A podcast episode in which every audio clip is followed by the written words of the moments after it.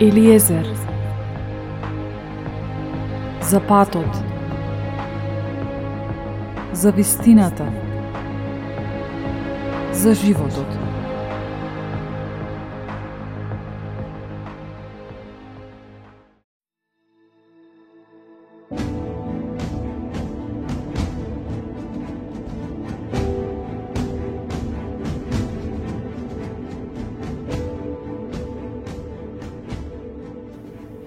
Прва збирка од полки, 11 глава.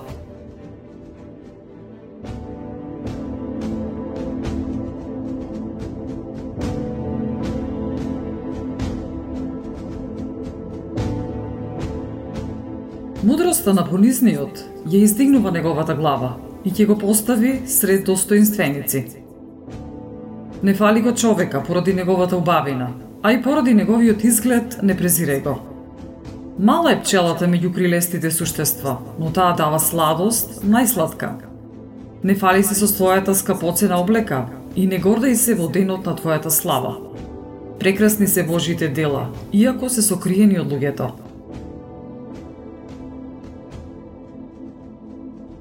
Многу владетели имало на земјата, многумина непознати добиле круна. Многумина силни биле понижени и славни луѓе паѓале под туѓа власт.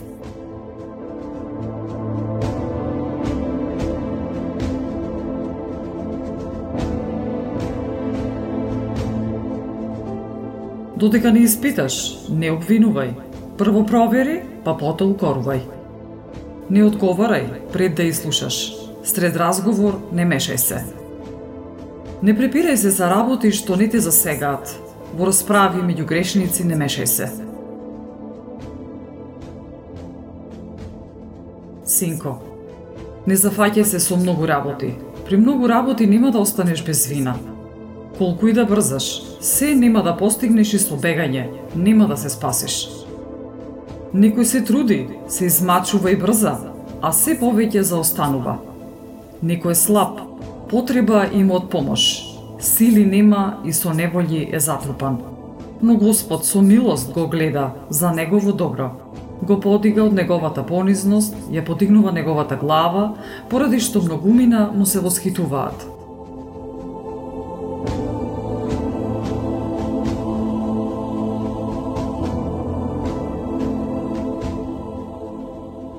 Господовиот дар е за побожните. Божијата милост вечно ќе им помага. Некој се збогатува со грижи и штедење, тоа е дел од неговата награда. Некогаш тој ќе рече, најдов мир и сега ќе му се радувам на моето богатство. Но тој не знае колку време тоа ќе трае.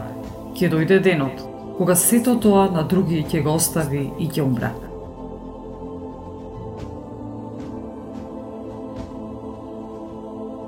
Остани тврд во заветот твој живе во него, Во својата работа дочекај старост.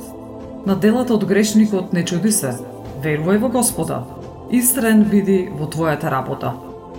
Лесно му е на Господа бргу и ненадејно да го збогати сиромавиот.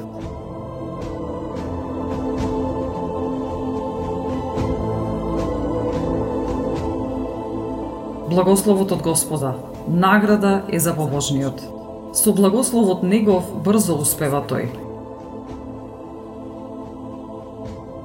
Не вели што уште ми треба и какви богатства од сега можам да очекувам. Не вели се имам доволно, па какво ли зло по ова може да ме снајде. Во време на добро, злото се заборава. Во време на зло, за добро не се зборува. Лесно му е на Господа во смртниот час да го награди човекот според делата негови. И најмалото страдање ги потиснува на сладите. Во смртниот час се откриваат делата на човекот. Додека е жив, за никого не вели дека е блажен. По децата своји се познава човекот.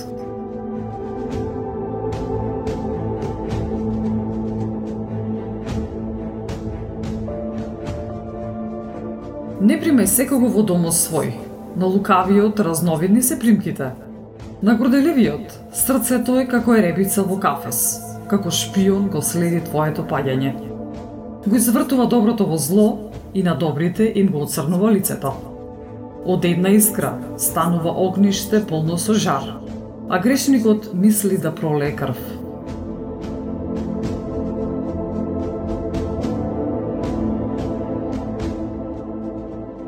Пази се од злосторник, зашто тој зло замислува. Да не те посрамоти за секогаш. Примиш ли туѓинец во домот свој, неволјки ти донесе. На твоите домашни туѓинец ќе те направи.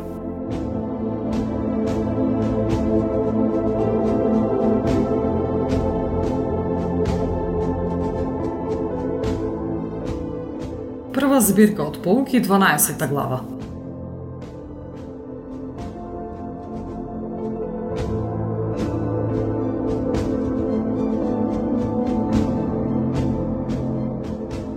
Кога правиш добро, знај кому му го правиш и ќе ти благодарат за твоите добрини.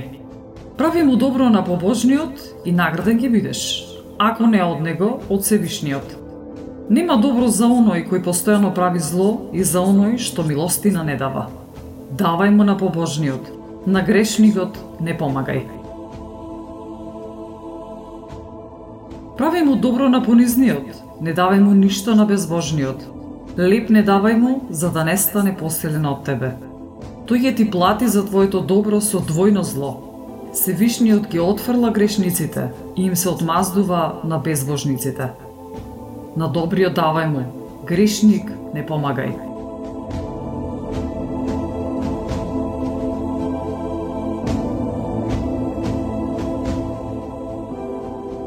Пријателот во добро не се познава, а во злото непријателот не може да се сокрие. Кога ни е добро, непријателите се тажни, а кога сме во зло, и пријателите бегаат од нас. На непријателот не верувај му никогаш, зашто неговата злоба е слична на бакар покриен со патина. И кога е понизен, и кога наведнат оди, пази ја од него душата своја и ќе бидеш пред него како гледало чисто. Ќе видиш дека од отровната патина не е очистен до крај.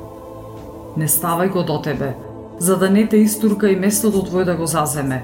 Не ставај го од твојата десна страна, за да не ти го земе твоето место. Најпосле ќе ги разбереш моите зборови.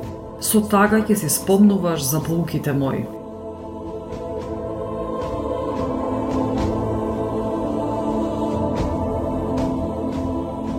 Кој ќе се сожали над змијарот што змија го каснала и над оние што над зверови диви се приближуваат?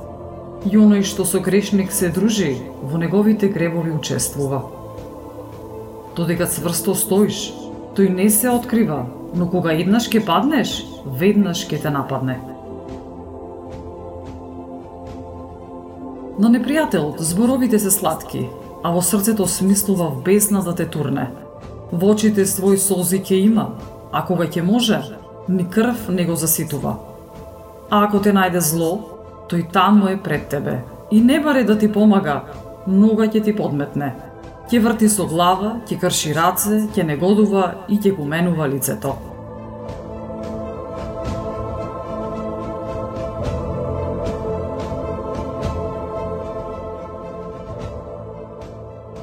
Прва збирка од Полуки 13 глава.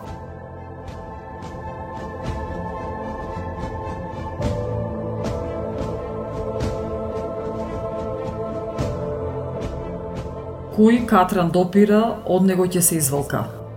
Кој со горделиви се дружи, ќе стане како нив.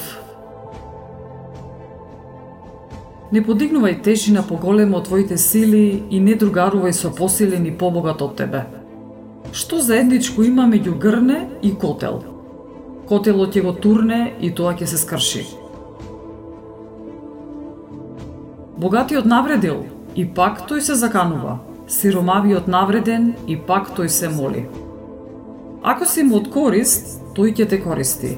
Кога пак осиромашиш, тој ќе те остави. Ако си богат, ќе живее со тебе, ќе те ограби и нема да те сожали. Кога си му потребен, тој ќе ти ласка, ќе ти се насмевнува и надеж ќе ти дава. Зборови сладки ќе ти зборува и ќе те прашува, ти треба ли нешто?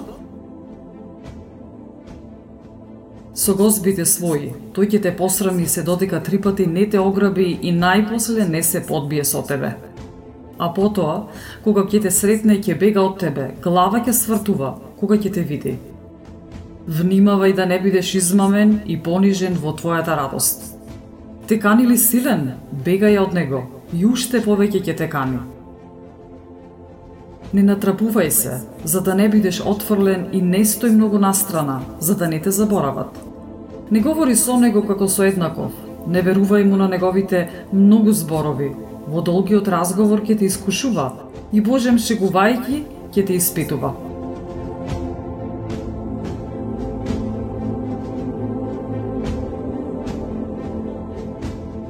Немилосрден кон себе си е оној што не се воздржува од своите зборови. Тој нема да се запази ни од навреди, ниту од вериги. Пази се и биди внимателен, бидејќи со својата гибел чекориш. Го чуеш ли тоа во сонот свој, не заспивај. Люби го Господа додека си жив и викај кон Него за да се спасиш.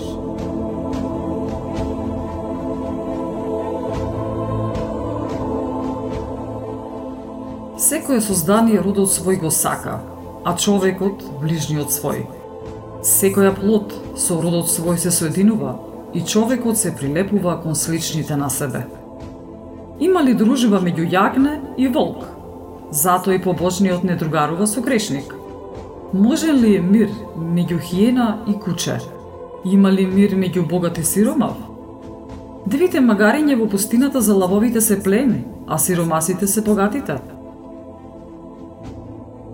на горделивиот. Понизноста му е одвратна и сиромавиот на богатиот му е одвратен. Кога богат се сопнува, пријатели го притежуваат, а кога сиромавиот паѓа и пријателите го оставаат. Кога богат во заблуда падне, многу помошници има. Ако и глупост рече, не го прекоруваат. А падне ли сиромав, се подбиваат со него. Каже ли нешто разумно, не го ни слушаат. Кога Богот говори, сите молкнуваат, зборовите негови до небо ги фалат. А кога Сиромав говори, сите се прашуваат, а кој е овој? Ако се сопне, сосем го турнуваат.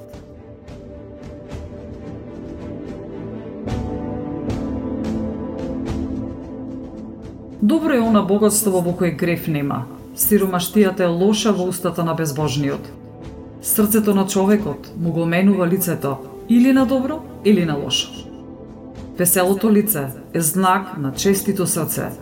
Измислување мудри изреки бара труд.